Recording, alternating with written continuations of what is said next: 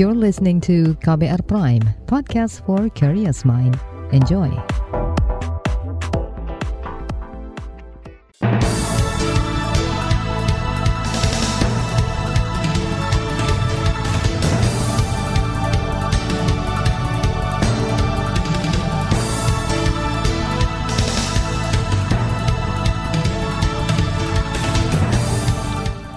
Selamat pagi saudara, senang sekali kami bisa menjumpai Anda melalui program Buletin Pagi KBR edisi Senin 1 Agustus 2022 bersama saya Roni Sitanggang. Sejumlah informasi pilihan telah kami siapkan di antaranya blokir platform digital tak daftar PSE, Kominfo tuai kritik. Kementerian Keuangan tak akan lagi beri tax amnesty.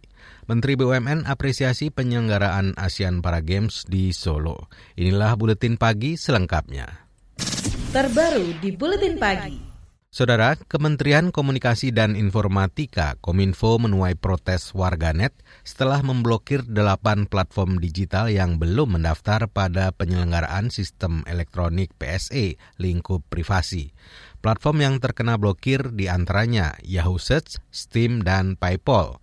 Pemblokiran diprotes karena merugikan banyak pihak, di antaranya para gamers serta pekerja kreatif kesulitan menerima penghasilan yang biasanya dibayar melalui PayPal.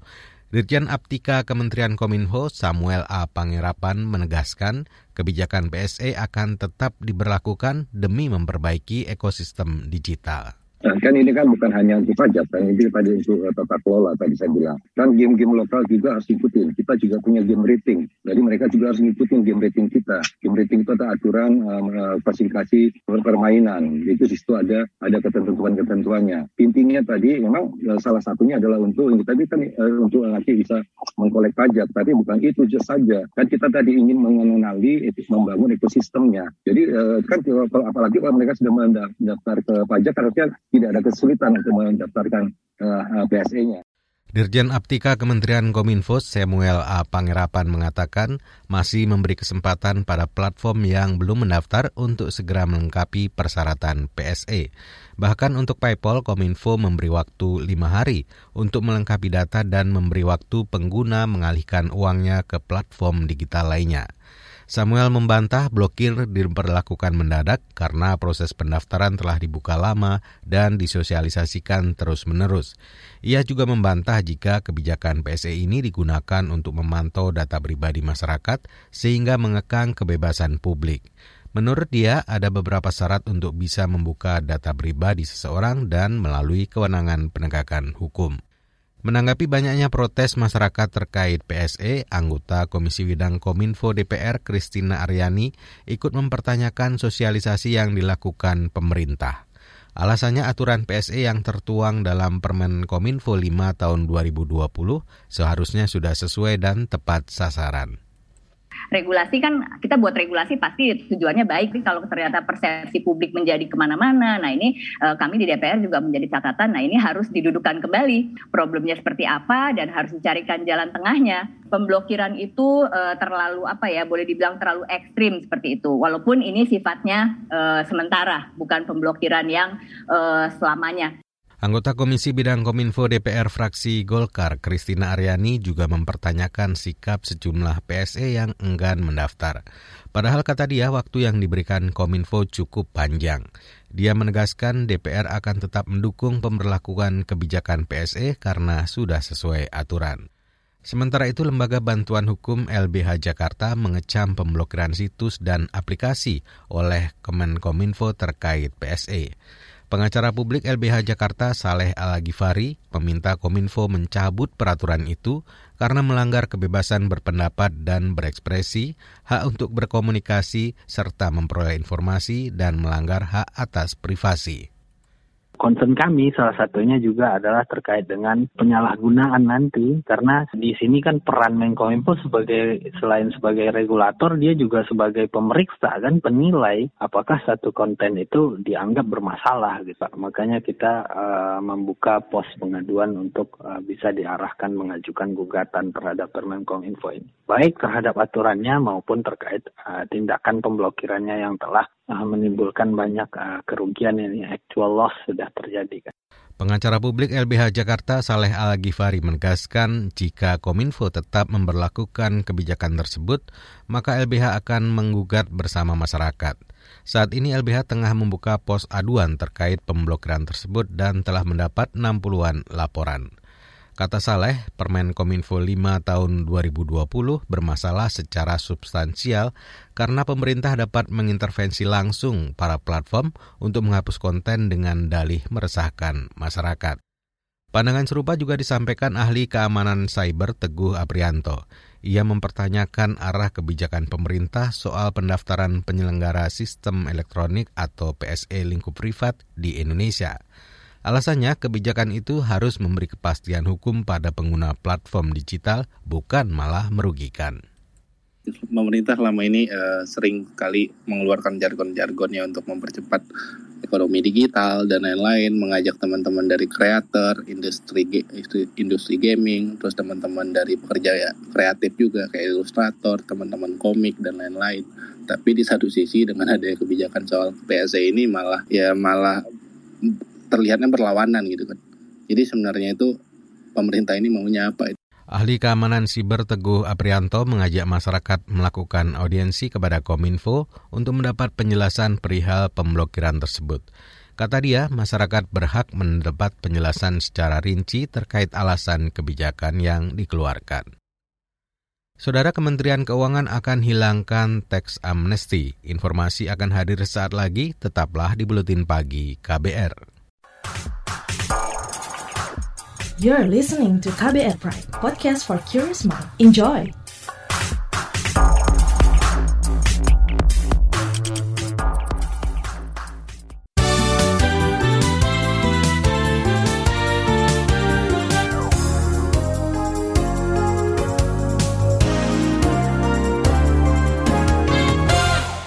Anda sedang mendengarkan buletin pagi KBR. Saudara pemerintah menegaskan tidak akan mengadakan program pengungkapan sukarela PPS atau teks amnesti lagi. Staf khusus Menteri Keuangan Justinus Prastowo menanggapi hasil survei indikator politik Indonesia yang menyatakan responden ingin program tersebut diadakan kembali. Kata dia, kebijakan itu jika dilakukan secara berulang akan berdampak buruk terhadap kepatuhan masyarakat membayar pajak. Kami tidak sepakat. Rasa DPR dan pengusaha juga sepakat eh, bahwa kalau pengampunan itu diberikan terlalu sering akan menciptakan mentalitas yang tidak baik. Permanen tax amnesty bisa buruk bagi kepatuhan pajak dalam jangka panjang karena orang akan nyicil kepatuhannya. Sekarang dicicil berharap tahun depan ada amnesti lagi sehingga ini akan menjadi buruk terkait kewibawaan dan trust kepada otoritas. Itu tadi staf khusus Menteri Keuangan Justinus Prastowo.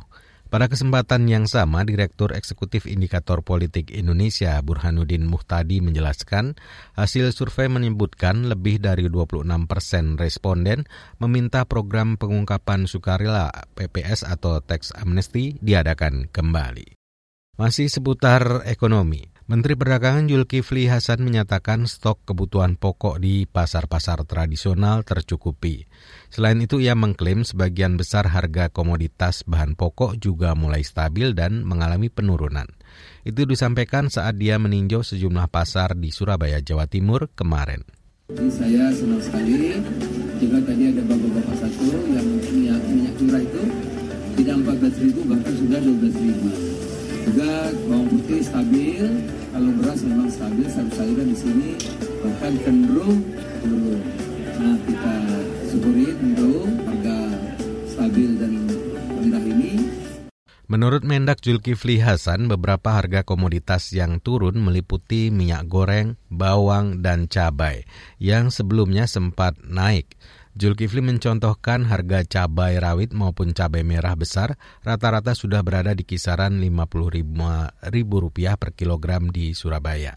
Sedangkan daging jika sebelumnya dipatok dengan harga Rp135.000, saat ini turun menjadi Rp120.000 per kilogram. Zulkifli berharap penurunan sejumlah komoditas pangan bisa menjaga laju inflasi tetap stabil. Beralih ke informasi lainnya, Badan Nasional Penanggulangan Bencana BNPB hingga tahun lalu telah mendirikan 1.100-an desa tangguh bencana atau destana. Analis kebijakan Direktorat Kesepsiagaan BNPB Firza Gosalba menyebut pembentukan destana didasari dari tingginya potensi bencana di hampir seluruh wilayah dengan letak geografis yang beragam. Kata Firza, adanya Destana diharapkan membuat masyarakat mampu bertahan dalam kebencanaan sebelum bantuan datang menjadi tantangan besar kita. Karena ketika masyarakat yang berada di daerah remote itu terjadi bencana, tentunya teman-teman BBD, teman-teman uh, SAR, teman-teman relawan butuh waktu yang cukup panjang untuk mencapai titik lokasi bencana tersebut. Itulah hal yang salah satu hal yang mendasari kenapa penguatan kapasitas masyarakat, peningkatan keterampilan masyarakat terkait dengan kebencanaan ini menjadi salah satu uh, program prioritas di BNPB melalui program Desa Tangguh Bencana. Analis kebijakan Direktorat Kesiapsiagaan BNPB Firza Gosalba mengatakan BNPB melalui BPBD di daerah terus meningkatkan kemampuan masyarakat dalam menghadapi dan membaca situasi kebencanaan seperti membaca tanda alarm atau peringatan yang dipasang melalui alat deteksi. Pengenalan tanda bahaya penting diberikan dan diingatkan agar masyarakat bisa langsung bertindak saat bencana datang dan meminimalisir kefatalan. Beralih ke informasi politik, Forum Masyarakat Peduli Parlemen Indonesia atau Formapi menilai penunjukan penjabat atau PJ kepala daerah oleh Menteri Dalam Negeri membuka peluang otak-atik sistem pemilihan kepala daerah secara tidak langsung. Peneliti Formapi Lucius Karus khawatir penjabat kepala daerah yang ditunjuk akan leluasa mengubah sistem tersebut. Tapi buat saya di sana ada potensi masalah gitu ya ketika kita tahu betul ada gerombolan orang atau ada kelompok uh, yang sedang menunggu untuk merubah misalnya sistem uh, pemilihan kepala daerah gitu ya. Ada yang kemudian mulai mengusulkan pemilu langsung gubernur misalnya, eh pemilu tidak langsung gubernur gitu ya dipilih oleh DPRD. Dan saya kira ini ujian sebenarnya. Jadi ada problem di sana. Peneliti Formapi Lucius Karus mengatakan penjabat pilihan pusat berpotensi mengancam iklim demokrasi di tanah air. Selain itu, penjabat atau kepala daerah yang dipilih oleh Kemendagri cenderung lebih fleksibel menjalankan kebijakan pusat, sehingga rentan terjadi politik transaksional di dalamnya. Kita beralih ke informasi pemilu. Kabar Pemilu. Kabar Pemilu. Komisi Pemilihan Umum atau KPU memastikan ada 10 partai politik yang bakal mendaftar hari ini. Ketua KPU Hasim Asyari mengatakan partai-partai politik yang mendaftar akan datang bergantian sejak pagi hingga sore nanti. Yaitu eh, Partai Demokrasi Indonesia Perjuangan, Partai Keadilan dan Persatuan, kemudian Partai Reformasi, kemudian Partai Keadilan Sejahtera, Partai Nasdem, Partai Rakyat Adil Makmur, Partai Persatuan Indonesia, Partai Bulan Bintang, Partai Persatuan Pembangunan, dan Partai Gelombang Rakyat Indonesia. Ketua KPU Hasim Azari mengatakan telah menyiapkan simulasi pendaftaran parpol hingga gladi bersih untuk menyambut kedatangan para calon peserta pemilu. KPU sebelumnya telah meminta parpol segera menginput data ke sistem informasi partai politik atau SIPOL sebelum melakukan pendaftaran yang dibuka mulai hari ini hingga 14 Agustus mendatang. Kita ke Kamboja. Kementerian Luar Negeri berhasil menyelamatkan tujuh warga negara Indonesia di Kamboja yang menjadi korban penipuan modus penempatan kerja. Dalam keterangan tertulis, Kemenlu mengatakan kepolisian Kamboja bersama KBRI Phnom Penh menyelamatkan para korban dari penyekapan perusahaan online scammer di Kamboja kemarin. Sebelumnya pemerintah juga telah menyelamatkan 55 WNI dalam kasus yang sama. Rencananya besok ke-62 WNI tersebut akan dipindahkan ke Phnom Penh guna mendapat perawatan dan konseling psikologis sebelum menjalani pemeriksaan identitas untuk kepulangan ke Indonesia. Kita beralih ke berita olahraga. Indonesia merebut emas pertama dalam ajang ASEAN Para Games 2022 di Solo, Jawa Tengah lewat cabang olahraga bulu tangkis beregu. Kemenangan itu diraih Freddy, Hafiz, Hari, dan Deva atas kontingen Thailand dengan skor 3-0. Menurut juru bicara kontingen Indonesia di ASEAN Para Games, Prihatin, kemenangan tersebut membuat atlet lain berpacu untuk mendapat hasil yang sama dalam pertandingan lain. Lebih lanjut, Prihatin mengungkapkan masih ada 14 cabang olahraga dan 300-an atlet yang bisa menyumbang medali untuk mencapai target 104 emas demi menduduki posisi juara umum. Saudara, di bagian berikutnya kami hadirkan saga KBR tentang COVID-19 terus catat rekor baru, pemerintah mulai gelar vaksin booster kedua. Tetaplah di Buletin Pagi KBR. You're listening to KBR Pride, podcast for curious mind. Enjoy!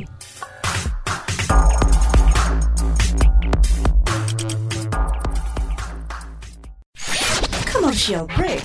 Commercial break.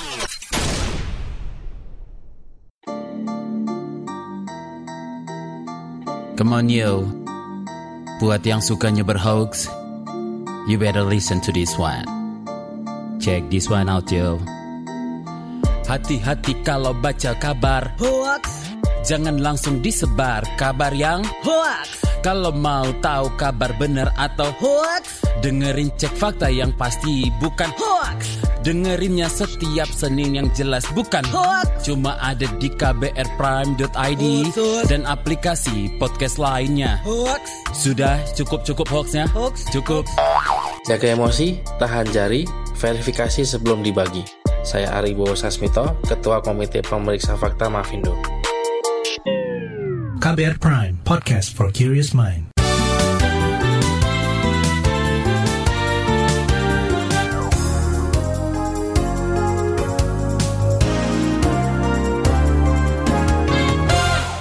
Terima kasih Anda masih bersama saya, Roni Sitanggang di Buletin Pagi KBR. Saudara, pekan lalu pemerintah memulai pemberian vaksin COVID-19 dosis keempat atau vaksin booster kedua untuk para tenaga kesehatan. Vaksinasi booster kedua ini digelar pada saat vaksinasi dosis ketiga masih rendah, sedangkan kasus baru positif COVID-19 di tanah air terus meningkat. Bagaimana upaya pemerintah untuk mempercepat vaksinasi booster dan kapan masyarakat akan mendapatkan booster kedua? Simak laporan khas KBR disusun Astri Yuwanasari. Mulai Jumat lalu, para tenaga kesehatan di Indonesia mulai mendapat vaksin COVID-19 booster kedua. Vaksin booster kedua atau dosis keempat ini bakal diberikan kepada lebih dari 4 juta tenaga kesehatan di Indonesia. Tenaga kesehatan diprioritaskan mendapat vaksin COVID-19 booster kedua lantaran masuk kelompok rawan yang bekerja di garda terdepan penanganan COVID-19 di Indonesia. Juru bicara Kementerian Kesehatan Muhammad Syahril mengatakan, vaksinasi booster kedua ini belum menjadi prioritas nasional, apalagi capaian vaksinasi booster pertama masih rendah. Jadi prioritas kita sampaikan ke teman-teman seluruh masyarakat itu adalah vaksin ketiga atau booster pertama ini dulu kita fokus karena masih banyak masyarakat kita kan masih 25 persen tadi kan capai aja kan ingin penuhi dulu 25. Muhammad Syahril mengatakan untuk mempercepat laju vaksinasi booster, pemerintah terus memfasilitasi berbagai kemudahan agar masyarakat mudah mendapatkan vaksin dosis ketiga atau vaksin booster. Jadi seluruh fasilitas pelayanan kesehatan, puskesmas, rumah sakit, pasang adanya komando yang sangat besar sehingga mencapai target yang di atas 70 persen tadi. Satgas COVID-19 pada akhir Juli mencatat capaian vaksinasi dosis pertama sekitar 202 juta atau sekitar 97 persen dari target 208 juta penduduk. Sedangkan vaksinasi dosis kedua sekitar 81 persen dan vaksinasi booster masih sangat rendah, yakni sekitar 26,9 persen. Rendahnya capaian target vaksinasi COVID-19 khususnya dosis booster memunculkan kekhawatiran. Juru bicara Satgas Penanganan COVID-19 Wiku Adhisa Smito mengatakan, kenaikan jumlah kasus COVID-19 saat ini berpotensi menjadikan Indonesia kembali mengalami lonjakan kasus. Kepada pemerintah daerah, mohon monitor daerahnya masing-masing dan lakukan langkah-langkah penanganan terhadap kenaikan kasus dan terus upayakan agar angka vaksinasi booster dapat terus meningkat. Juru bicara Satgas Satgas Penanganan COVID-19 Wiku Adhisa Smito mengatakan jumlah kasus COVID-19 terus mencetak rekor baru dalam beberapa minggu terakhir. Bahkan dalam sebulan terakhir, kasus COVID-19 naik tiga kali lipat. Per kemarin tanggal 27 Juli 2022, jumlah kasus positif harian telah mencapai angka 6.000 kasus. Terakhir, kita mencapai 6.000 kasus per hari adalah pada bulan Maret lalu. Peningkatan terjadi perlahan tapi pasti, dari mulai 1.000 kasus pada awal Juni, kemudian 2.000 kasus pada awal Juli, dan dalam waktu satu bulan angka tersebut naik tiga kali lipat menjadi 6.000 kasus. Peningkatan kasus positif harian menambah jumlah kasus aktif dan angka kematian. Hingga 27 Juli lalu, kasus aktif COVID-19 mencapai 46 ribu, sedangkan kasus kematian dalam tiga hari terakhir berada di atas 10 kasus. Positivity rate mingguan nasional mencapai 6,07 persen dan sudah berada di atas ambang batas WHO, yaitu 5 persen. Anggota Komisi Kesehatan DPR mendukung pemberian vaksin booster kedua, khusus untuk tenaga kesehatan dan kelompok rentan. Meski begitu, DPR mengingatkan agar pemerintah pusat dan daerah tetap fokus meningkatkan capaian vaksinasi COVID-19 dosis pertama, kedua, dan ketiga atau booster. Dan justru ini menjadikan pemikiran butuh effort kita bersama agar kita tingkatkan uh, vaksin lengkap maupun vaksin booster pertama. Itu dulu prioritas kita itu gitu loh. Nah sambil jalan untuk booster kedua itu yang resiko tinggi misalnya nakes, lansia, dan yang komorbid menjadi salah satu opsi yang bisa diterima dari secara logika maupun masuk akal kalau kita terima. Tetapi belum belum masyarakat perkotaan sudah booster dua sedangkan masih banyak rakyat eh, yang belum booster pertama juga menjadi pertanyaan juga. Justru saat ini adalah kita gunakan untuk mengejar. Target prioritas utama adalah saat ini menurut saya vaksin lengkap dan vaksin booster pertama itu harus digencarkan. Sementara lapor COVID-19 mencatat vaksin booster kedua atau vaksin dosis keempat mampu meningkatkan pencegahan infeksi COVID-19 subvarian Omikron hingga 64 persen.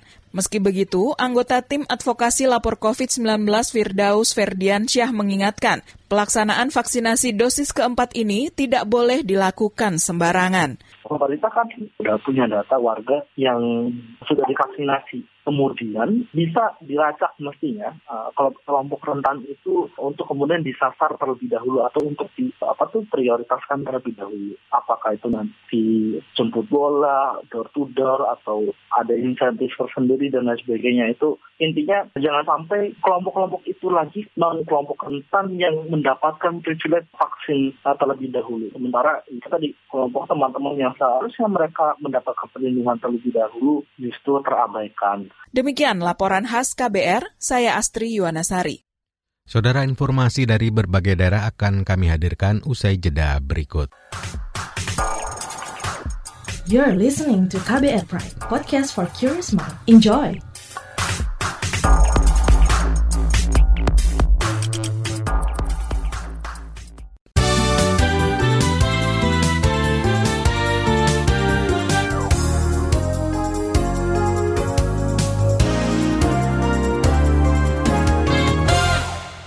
Inilah bagian akhir buletin pagi KBR. Pemerintah Kota Palu, Sulawesi Tengah hingga semalam membersihkan jalan dan rumah-rumah dari sisa-sisa material lumpur di Komplek Hunian Tetap atau Hutap korban gempa Palu di Kelurahan Tondo.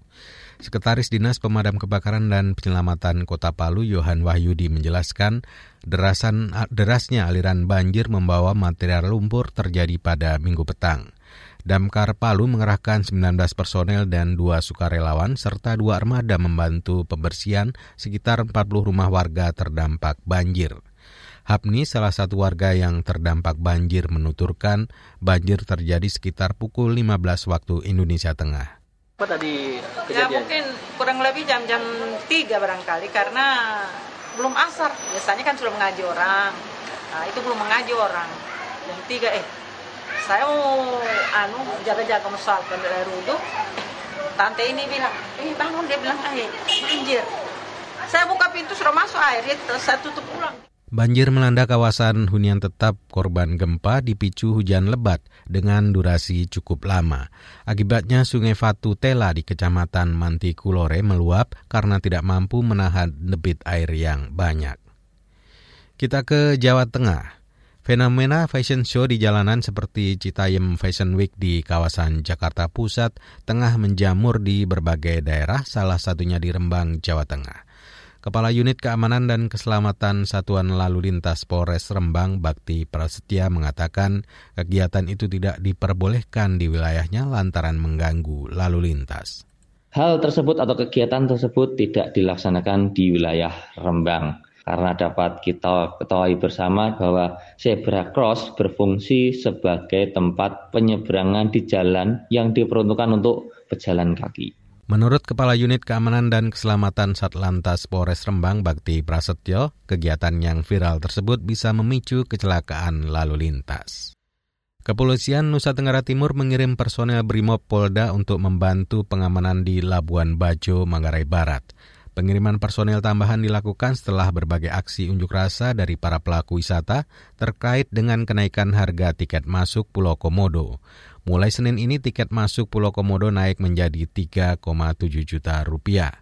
Sejumlah, sebelumnya sejumlah pelaku wisata di Labuan Bajo menggelar aksi unjuk rasa menolak kenaikan tersebut.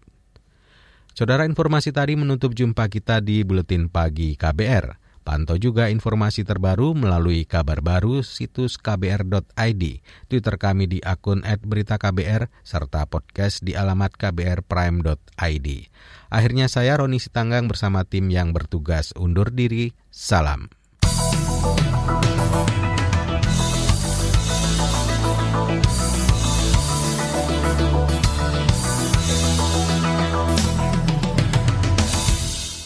KBR Prime, cara asik mendengar berita. KBR Prime, podcast for curious mind.